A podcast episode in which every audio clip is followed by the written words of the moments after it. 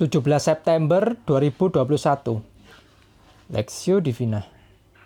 1 Petrus 4 ayat 1 sampai 6 Jadi karena Kristus telah menderita penderitaan badani kamu pun harus juga mempersenjatai dirimu dengan pikiran yang demikian.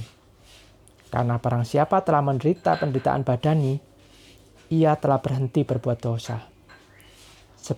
Supaya waktu yang sisa Jangan kamu pergunakan menurut keinginan manusia, tetapi menurut kehendak Allah.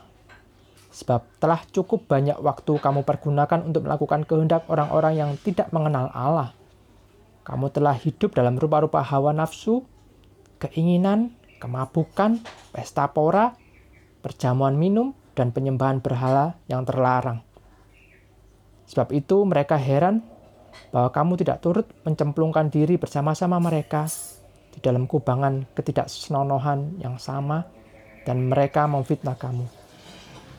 Tetapi mereka harus memberi pertanggungan jawab kepada dia yang telah siap sedia menghakimi orang yang hidup dan yang mati.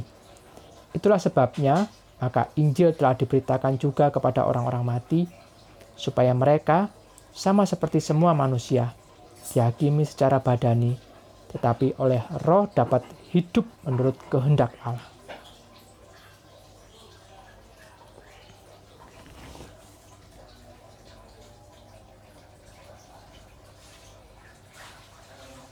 Ucapan bahagia dianiaya karena kebenaran.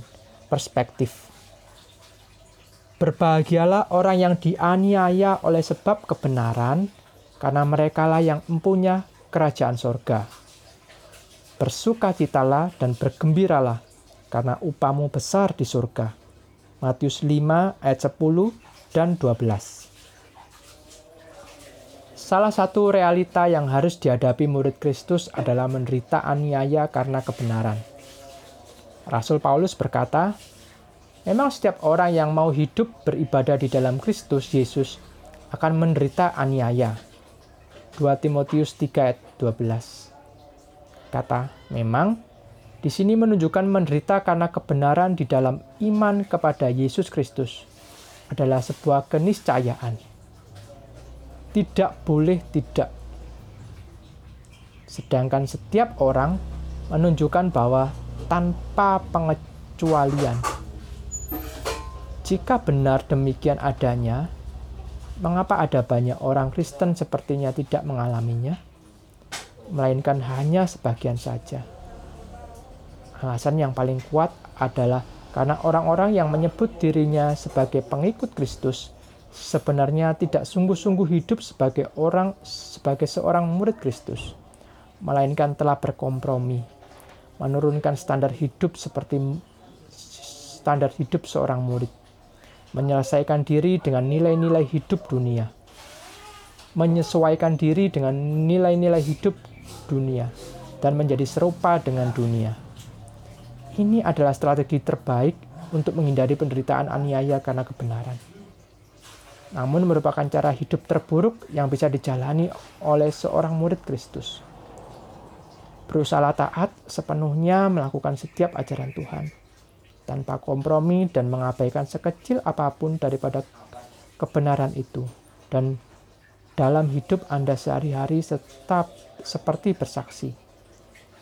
Tetap mengasihi dan mengampuni orang yang telah berbuat jahat kepada Anda. Sabar, jujur dalam segala hal, melepaskan hak mengendalikan ego dan hawa nafsu menyangkal diri, dan lain sebagainya.